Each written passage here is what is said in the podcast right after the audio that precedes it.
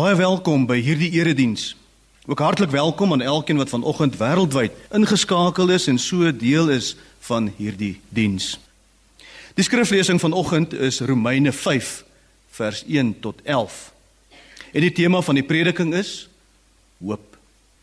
Mag wat ons sê en wat ons dink tog vir U aanneemlik wees, Here, ons rots en ons verlosser.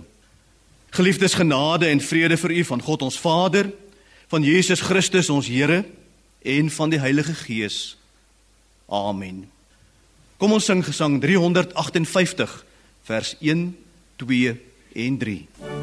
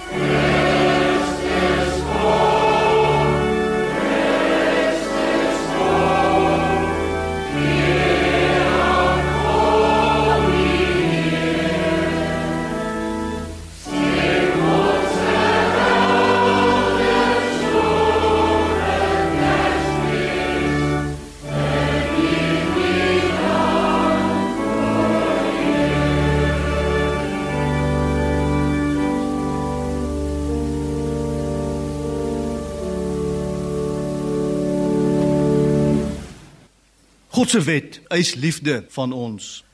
Jesus som die wet in Matteus 22 vir ons so op. En een van hulle, 'n wetgeleerde, het hom met 'n vraag probeer vastrek. Meneer vra hy, "Wat is die grootste gebod in die wet?" Jesus antwoord hom, "Jy moet die Here jou God lief hê met jou hele hart en met jou hele siel en met jou hele verstand. Dit is die grootste en die eerste gebod. En die tweede wat hiermee gelyk staan is: Jy moet jou naaste lief hê soos jouself. In hierdie twee gebooie is die hele wet en die profete saamgevat.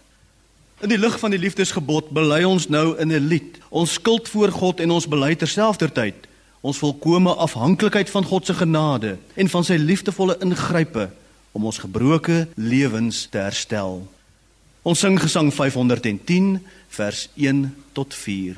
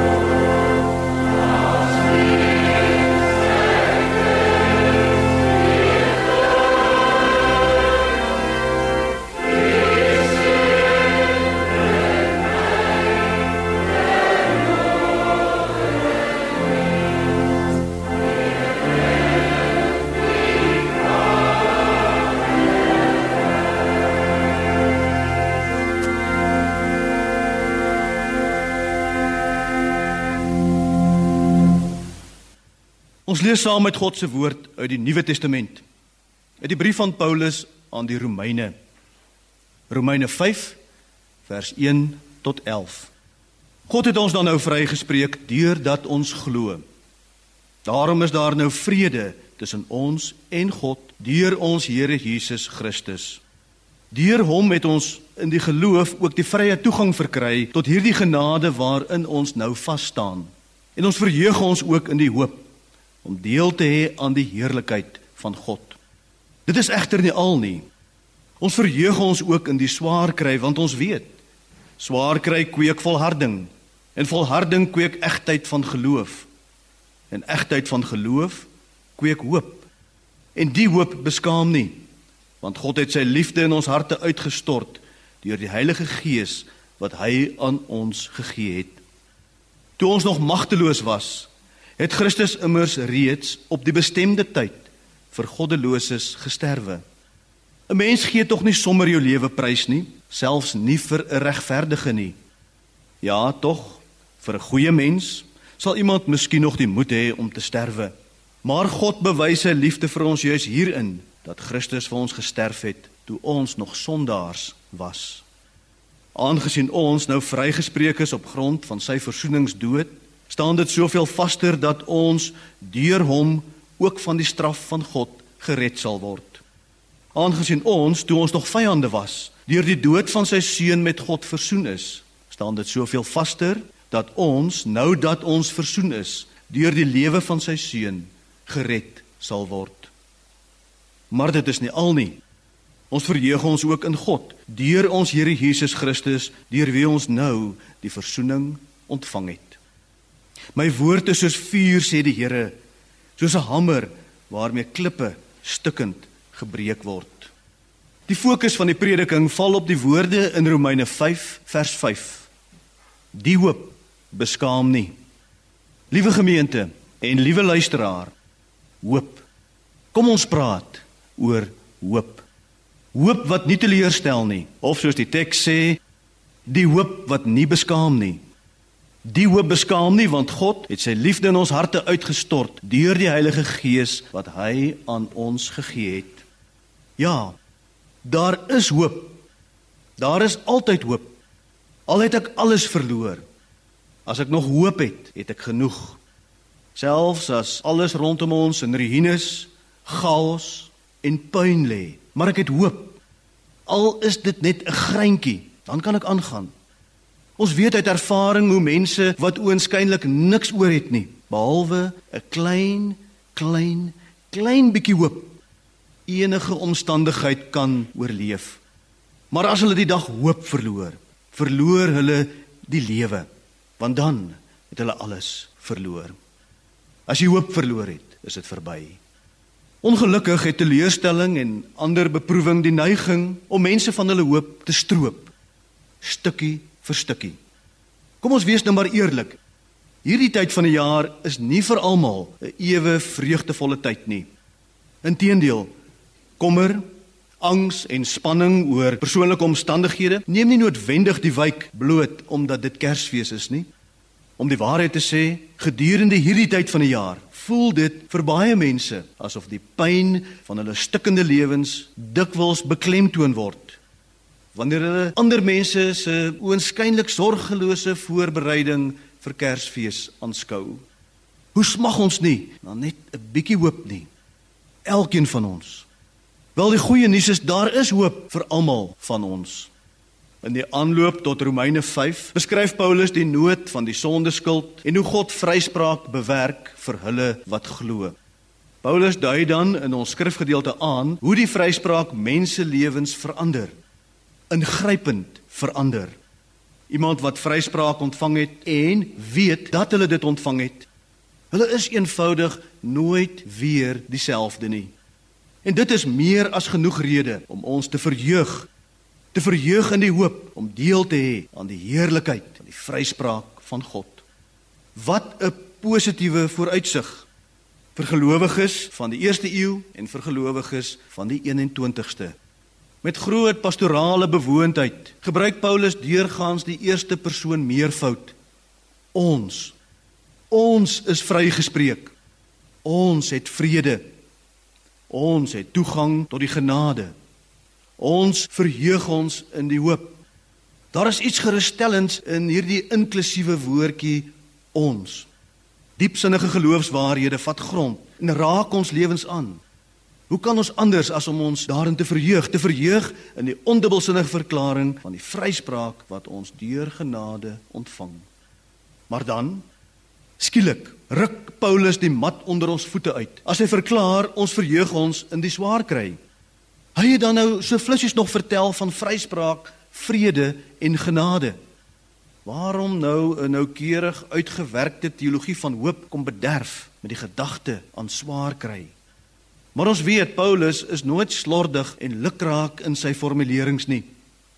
Inteendeel, hy is uiters afgerond en akkuraat in sy argumentering.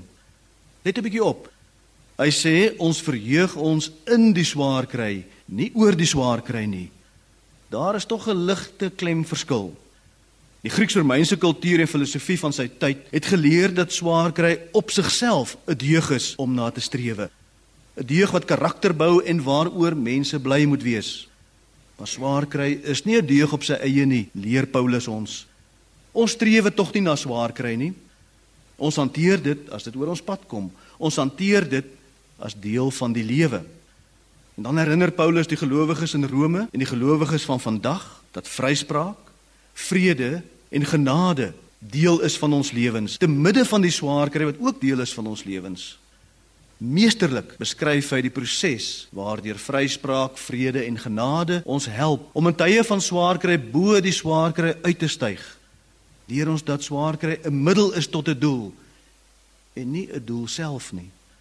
Elke negatiewe gebeurtenis in ons lewens, elke stukkie swaar kry, dra selfs diep binne in sigself die saad vir 'n positiewe uitkoms en vir hoop. Swaar kry stel ons in staat om ons te verheug in die hoop op dieselfde wyse waarop ons die donker nodig het om te weet wat lig is. Swaar kry is nut omdat dit ons help om die hoop te herken en te erken. Natuurlik is dit nie sommer enige hoop nie. As Paulus in Romeine 5 praat van hoop, dan is sy bedoeling baie duidelik. Dis Christelike hoop, as te ware hoop met 'n hoofletter H die hoop op Christus wat alles verander. Paulus se verstaan van hoop is dus nie 'n vaag, ondefinieerbare idee wat in die lug bly hang nie. Dit is 'n vaste verwagting. Van vers 6 tot 11 plaas hy hoop in die konteks van die verlede en anker daarmee die hoop sodat ons weet hoop is nie abstrakt nie. Dis prakties en konkreet. Dink maar aan Jogebed. Jogebed wat 'n bissie mandjie met klei en pik water dig maak vir haar babietjie om hom in die Nyl tussen die riete te versteek te midde van dreigende gevaar. Dit is hoop. Abraham wat God se belofte van 'n nageslag ernstig opneem teen alle logiese en rasionele denke in. Dit is hoop. Moses wat terugkeer na Egipte om sy volk uit slawerny te lei met 'n uitstaande lasbrief vir sy arrestasie op aanklag van moord. Dit is hoop. Maria wat ten spyte van die samelewing se skewe kyke die Here met 'n lofsang prys. Dit is hoop. Jakobus en Johannes en die ander wat hulle bekende lewens agterlaat en Jesus volg. Dit is hoop. Jesus wat 'n geharde misdadiger die paradys beloof aan die kruis. Dit is hoop. Paulus en Silas wat in die middel van die nag in die gevangenis met hul arms vasgebind aan kettinge en hul bene in voetboeie en hul lywe stikkend gemartel met geen vooruitsig om nog langer as 24 uur te leef nie besig is om lofliedere tot God te sing dit is hoop. Geliefdes dit is die hoop wat nie beskaam nie. Hoop is eintlik die afgeskeepte middelkind van Paulus se drie luik geloof hoop en liefde Geloof sonder hoop is net dogma. Dooie dogma. Liefde sonder hoop is maar net nostalgie en heimwee. 'n Verlange na iets wat reeds verby is. Hoop gee sin, betekenis en lewe aan geloof en aan liefde. Hoop gee daarom ook sin en betekenis aan ons lewe. Hoop is geloof in aksie en liefde in beweging. Die behoefte aan hoop is universeel. So universeel soos wat pyn en swaar kry is. Ons almal se omstandighede verskil, maar ons het dit in gemeen. Ons almal smag na hoop. Of dit nou met ons goed gaan en of dit met ons sleg gaan, ons smag na hoop. Al bevind ek my ook op die kruin van 'n golf of in 'n dal van doodskade weer. Onthou, slegte tye gaan gelukkig verby, maar goeie tye gaan ongelukkig ook verby. Hoop in die besonder Christelike hoop is nie onrealisties nie. As dit was sou ons dit immers nie hoop genoem het nie, maar droom. Hoop is nie vaag en gebaseer op niks nie. Dit is presies wat wens is. Hoop is nie dieselfde as droom of wens nie. Hoop is as te ware 'n droom vir hulle wat wakker is, die wens vir hulle wat glo.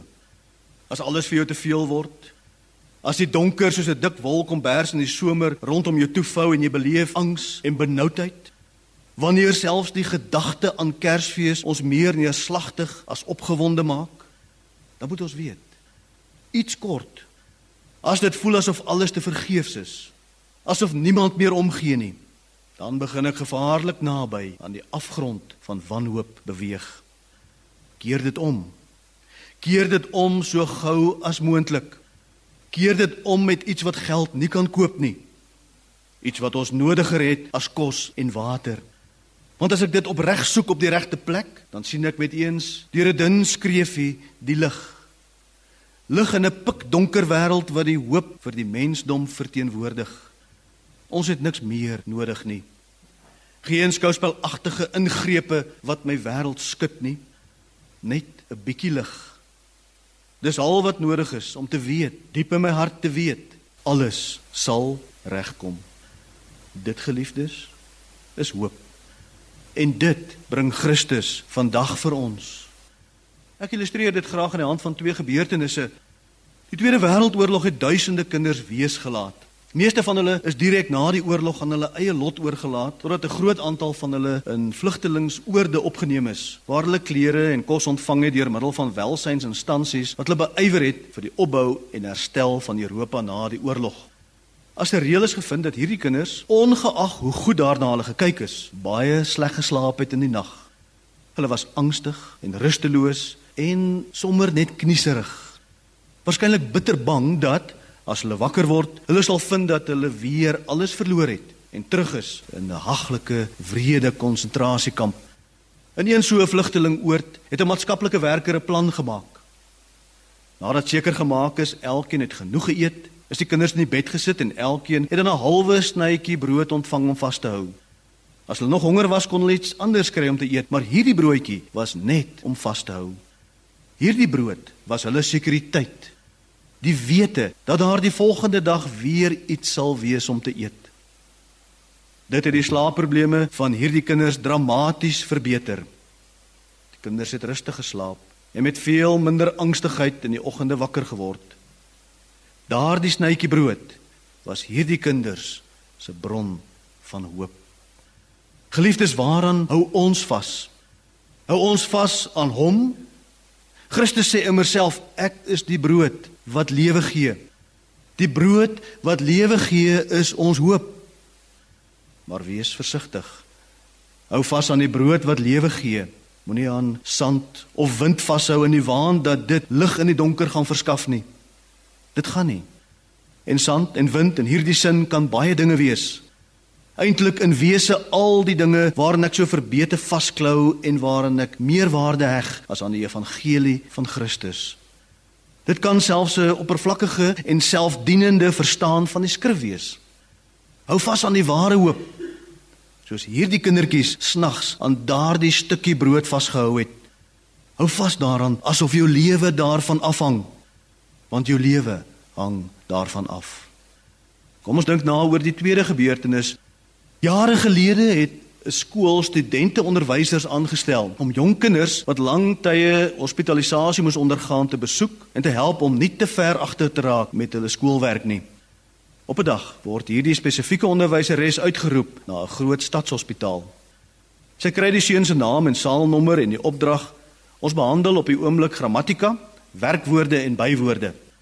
Eers toe sy by die kind se saal kom, besef die onderwyseres dis die hospitaal se spesialiseenheid vir brandslagoffers. Niemand het haar voorberei op dit wat sy in daardie eenheid sou aantref nie. Met die korrekte hospitaaldrag aan om die moontlikheid van infeksie te beperk, word sy meegedeel om nie aan die pasiënt te raak nie en deur die masker wat vir haar opgesit is te praat. Sy haal diep asem en stap na die 10-jarige seun se bed. Die seun was hooglopend in 'n baie ernstige toestand en in erge pyn.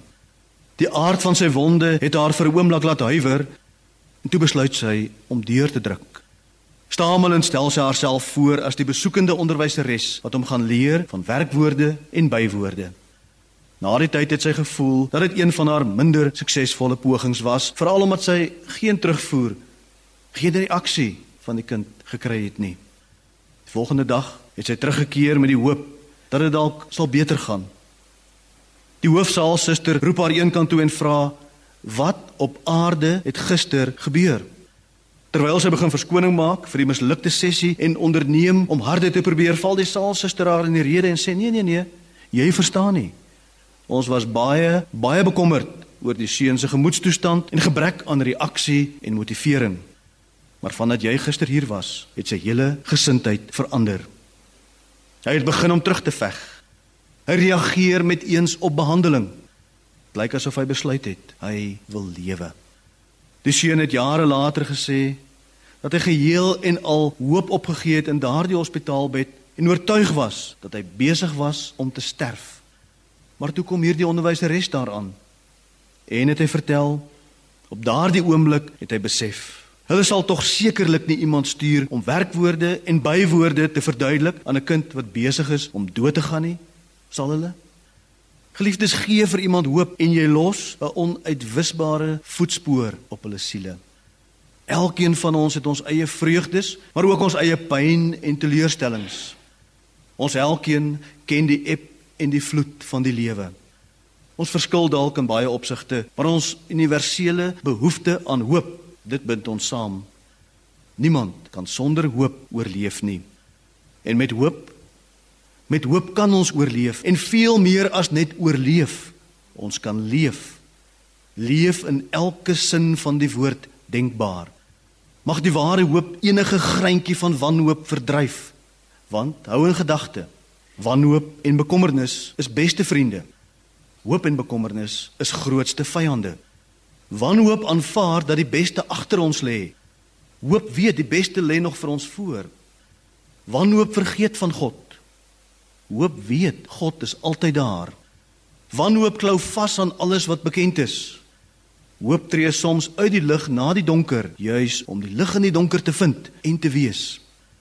Wanhoop is onbuigsaam. Hoop pas aan. Hoop is taai. Wanhoop is passief. Hoop is aktief. Wanhoop sien net die vuil kolle op die venster. Hoop sien die lieflike landskap in die verte. Wanhoop verwag die ergste. Hoop vertrou dat die beste sal gebeur. Wanhoop maak jou bitter.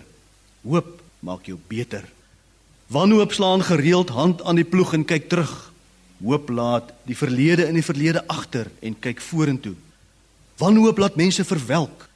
Hoop laat mense blom. Wanhoop sien 'n vuil stal. Hoop sien die verlosser tussen die bale hooi en plaasdiere. Wanhoop sien 'n kruis en 'n graf. Hoop sien 'n leë graf en 'n sinryke en betekenisvolle toekoms. Wanhoop maak seer en vernietig. Hoop maak heel en herstel en genees. In ons vervlenterde bestaan kom God en bring weer hoop vir elkeen van ons. Ook en veral in hierdie Kerstyd. As dit voel asof alles rondom jou vergaan, dan is hoop die vaste wete selfs erkenbaar deur die nevels van ons pyn dat alles sal regkom. Op 'n dag het die kerkhervormer Martin Luther sy kinders rondom 'n tafel sien staan en hy sien hoe hul oë glinster terwyl hulle verlangend na 'n bak vars geplukte perskes kyk. Dit is hoe diegene lyk wat hulle verbly in die hoop, het Luther opgemerk na aanleiding van Romeine 12 vers 12. Geliefdes in ons geestesoog kan ons hierdie kindertjies rondom daardie vrugtebak sien. Ons sien hulle oë vasgenaal op die pragtige vars soetperskes en ons sien die verwagting, die vaste hoop op die vrugtefees wat sonder twyfel binnekort sou aanbreek. En met eens besef ons dis presies die stralende glinster in ons oë as ons besef die hoop het deurgebreek. Die hoop wat nie beskaam nie. Die hoop van die wêreld deur eeue verwag. Die ou spreekwoord sê waar daar lewe is, is daar hoop. Vir die gelowige is dit veel eerder waar daar hoop is, is daar lewe. Lewe in volheid en lewe in al sy fasette. Dit is hierdie hoop wat ons in staat stel om bo ons omstandighede uit te styg. Wat ons laat aangaan waar ons andersins lankal sou tou opgegooi het. Dis hierdie hoop wat ons lewens werklik sin en betekenis gee. In hierdie deurmekaar verwarrende, soms wrede maar altyd uitdagende wêreld, bring die geboorte van ons Heiland en Verlosser vir ons weer hoop. Amen. Kom ons bid saam. Vader in die hemel, ons dankie vir die hoop. Die hoop wat nooit beskaam nie.